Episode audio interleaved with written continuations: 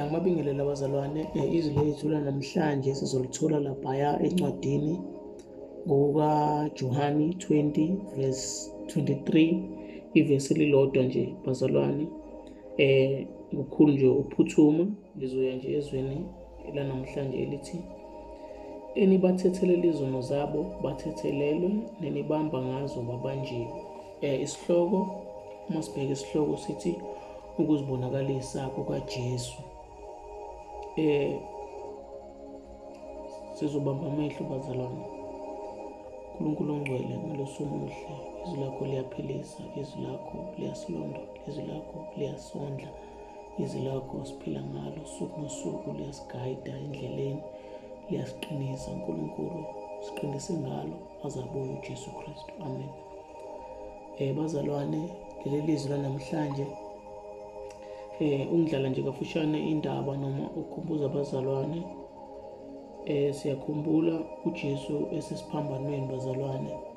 Eh uyaye wazwakala ewa ewa noma egcizelela uxolela eh uma nje sikhotha amazwi awasho elinye lawo lathi baba baxolele ukuba abakwazi abakwenzayo.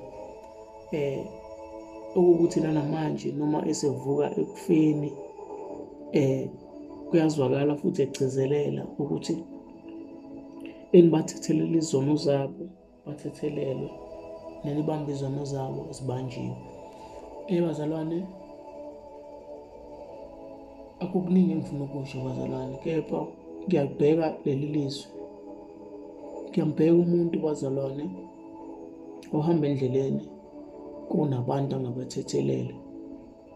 Eh kungabe abantu bakini kungaba abantu osebenza nabo kungaba abantu ophila nabo. Eh kungaba abantu nje ohlangana nabo.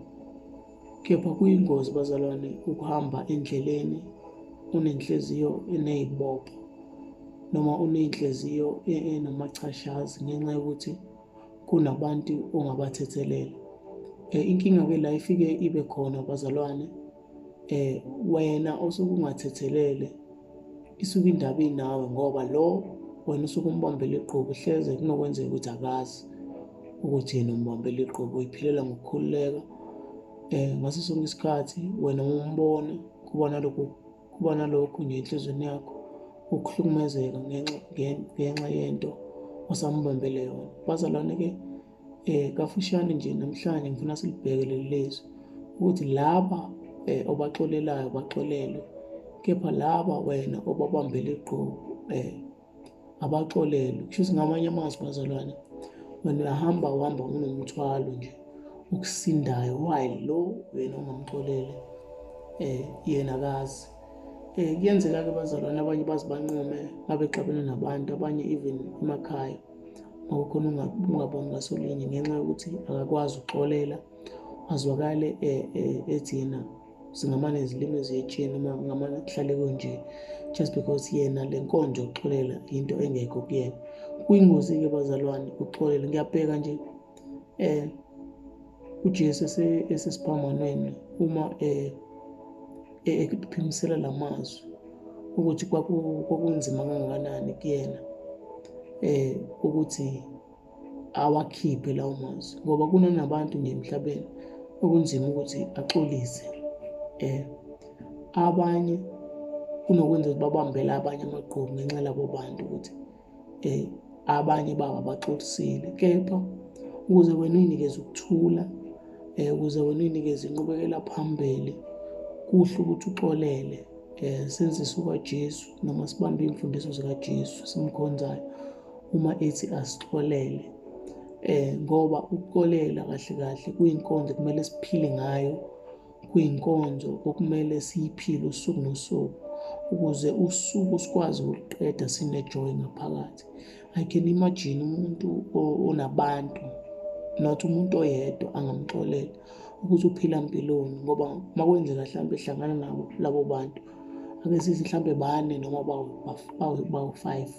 Eh makwenzeka ehlangana nabo labo bantu bonke ngosuku ukuthi kuyamphoqa ukuthi usuku lakhe loneke lonke ngoba akakwazi ukuthi mhlampe uzokhipha isiqeshana esithize esikhathini sakhe sosuku ajabule ngoba uthi uthi sathe uhlangane nalo aphinde ahlangane nalo. So bazalwane kukuhle akukuhle nje ukuphila sinamagqubu akukuhle ukuphila sinabantu esingabathethelele ngenxa yokuthi lokho kuyasibulala thina ngaphakathi. And kusenza futhi kwayithina singabi nenqubekela phambili. Ngiyabheka nje kwamanye amazwi ashiwo ujesu kristu esesiphambanweni um uma sifunda ilizwi noma bafunda kahle ilizwi abacwaninga ibhayibheli um uma bechaza ukuthi ujesu kungani um kwazwakala ujesu esethi baba ungishiyelani? Um meanwhile ujesu ujesu nonkulunkulu babevumelene um ngohambo ujesu ayezolihamba emhlabeni ukuthi kumele azosifela. And ujesu ngiyacabanga ukuthi before avuma wayitsheliwe ukuthi um yini ezokwenzakala ngalolo suku. Kepha namhlanje noma ngalelo langa siyambona ujesu ememeza ethi baba ungishiyelani um abazi kangcono-ke ibhayibheli bazalwane bathi um kunokwenzeka ukuthi izono zethu ezaseyinamathele kujesu kunokwenzeka ukuthi kwayena ubamkhulunkulu kwabanzima ukuthi um ambheke ujesu. And ujesu wazizwela nangalowo mzuzu ukuthi unkulunkulu hleze useqhelele kuyena. Ingakho ezwakala ememeza ethi nkulunkulu wami nkulunkulu wami ungishiyelani ngiyambheka-ke nje bazalwane nomuntu ongathethelele ohamba endleleni engathethelele ukuthi endleleni yonke bazalwane unkulunkulu mayizama ufinyelela kuyena bazalwane. Afice le nhliziyo enamagqubu le nhliziyo ebalisayo ngenxa yezinto esezenziwa abantu kuyena. Kunokwenzeka ukuthi bazalwane hleze even isibusiso sakho noma isicelo sakho kusicela unkulunkulu ngisho zama bazalwane ukufika naso. Kepha uma ifica inhliziyo yakho ilolu hlobo eyilona ukuthola kunzima ukuthi adelive okuyisibusiso sakho. Um sekukangaki-ke bazalwane uma ucabanga uma kuwukuthi unkulunkulu njalo uyazama njalo uyazama ukufinyelela ey'nhliziyweni zethu kepha afike enhliziyweni zethu kunalezi zinto lezi esezibambile ngenxa yokuthi kunabantu esingabathethelela. So nantambama nje bazalwane kuyavuka enhliziyweni yami ukuthi engathi singazikhulula iy'nhliziyo zethu sisidedele lezi zinto ezimbi ezenziwa abantu kuthina sixole noma kunzima. Sizame ukuthi um siyibhandishe iy'nhliziyo zethu ngoba uma sixolela sivulela kuthina inhlanhla sivulela izinto zethu kuba nemikhuleko yethu itravele kahle ukuya kuba unkulunkulu kahle kahle uma sikhuleka singenamagqubu sikhuleka siney'nhliziyo ezi-right ngaleso sikhathi unkulunkulu uyakwazi naye ukufinyelela kuthina. Kunokwenzeka nje bazalwane ukuthi um sesihambe uhambo olude um ekholweni kepha kunabantu thina abasenza izinto ezimbi ey'nhliziyweni zethu.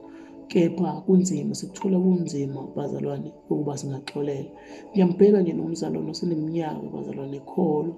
Kunokwenzeka ukuthi ukukholwa kwakhe kodwa akunazo um i-profit noma akunazo ama-fruit amahle. Noma ukukholwa kwakhe kunokwenzeka ukuthi akaziboni izibusiso. Kunokwenzeka-ke um mzalwane wami ukuthi hlampe izibusiso zakho zivinjwe um ilamagqubu noma ile nhliziyo obambele ngayo abantu. Bengicela noma benginxusa nje nantambama ukuthi engathi abantu bengadedela badedele bacele unkulunkulu ukuba basisize um baphosele konke lokho kuba benziwa abantu. Kunokwenzeka ukuthi abanye kunezinto abazibambile ekukhuleni kwabo mhlawumbe bahlushwa emakhaya behlushwa abantu ababebakhulisa bahamba endleleni banalawo manxeba ophayo ukuthi ukube mhlawumbe angidlulanga esimeni esinjalo ngabe mina nami mhlawumbe ngiyinto ethize. Kepha mzalwane wami engifisa ukuqinisekisa kona ukuthi konke okwenzakala ey'mpilweni zethu um unkulunkulu uyakwazi futhi unkulunkulu ukuhlelile konke kumele ukuthi sidlule khona ukuze kusifundise okuthize. So kuhle noma akuzoba kuhle ukuba sihambe endleleni sina lezi zinto esizibambile. Bengakuthi-ke nanamhlanje besingamnxusa unkulunkulu ukuba um sizame ukuthi sincenge iy'nhliziyo zethu asisize um nanoma noma ubani lo osonile ey'nhliziyweni zethu emoyeni yethu emzimbeni yethu. Kepha sikudlulise konke uthe unkulunkulu ezweni lakhe asiphose yonke imithwalo yethu esisindayo ngoba ijoka lakhe lilula futhi ijoka lakhe libanzi. So engathi nathi-ke um nantambama singaphosela kunkulunkulu noma kunzima bazalwane kepha simncenge unkulunkulu ukuba asipholise amanxeba ngoba unkulunkulu uyena opholisayo and futhi unkulunkulu uyabona. Kubona bonke laba abasonile akukhathaleki baxolisile akukhathaleki abaxolisanga ngoba khona uhlobo lwabantu bazalwane othi noma ekona kepha yena angazi ukuthi ukonile bese wena uhamba unalesi silonda enhlizweni yakho ukuthi awusibani bani esenza into ekangaka kodwa akaxolisi bazalwane. So lukhona nje uhlobo lwabantu abanjalo and futhi ngeke senze lutho ngalo. Okwethu ukuthi nje thina sinxolise iy'nhliziyo zethu nalapho futhi uzobe ungenzeli yena kepha uzobe wenzela wena. So nje bazalwane um sengivala intshumayelo yami yanamhlanje mfishane ukuthi engathi singamncenga unkulunkulu ukuthi um asipholise wonke amanxeba sidedele konke bazalwane.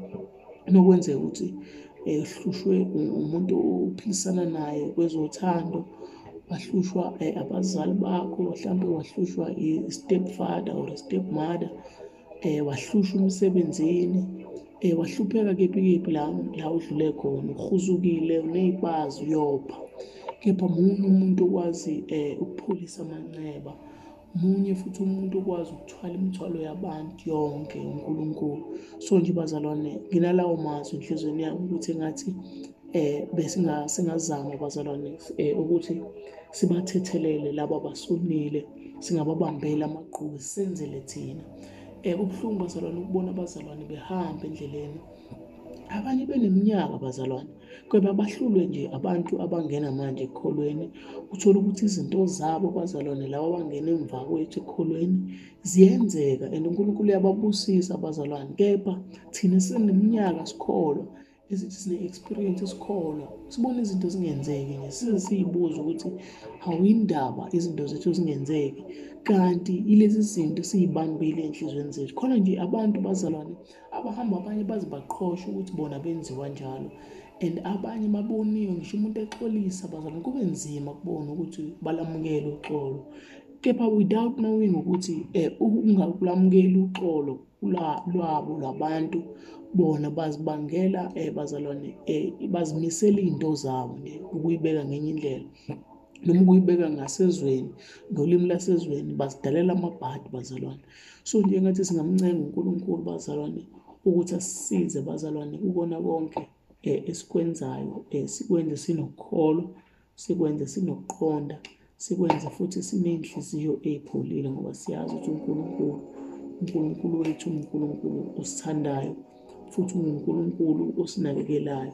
So nje yilawo mazwi bazalwane enginawo nje kafushane um sesokhuleka ukuthi unkulunkulu engathi engasisiza um unkulunkulu asisize sikwazi ukuxolela bazalwane kukona konke abasenze kona kepha sixolele sikwazi ukuxolisa abazalwane. So nje sengikhuleka um ngiyafisa ukuthi ngikhuleke nabantu ababuthaka emoyeni abantu abadabukile ey'nhliziyweni zabo ukuba siyakucela unkulunkulu asipholise amanxeba sidlulise konke. Unkulunkulu ongcwele maloso omuhle nantambama thixo ongcwele asimboni ungasinikeza inkonzo yokuxolela asimboni ungasinikeza inkonzo yokudlulisa asimboni ungasinikeza inkonzo yokwamukela izinto ezenzeka ey'nhliziyweni zethu bese siyadlulisa.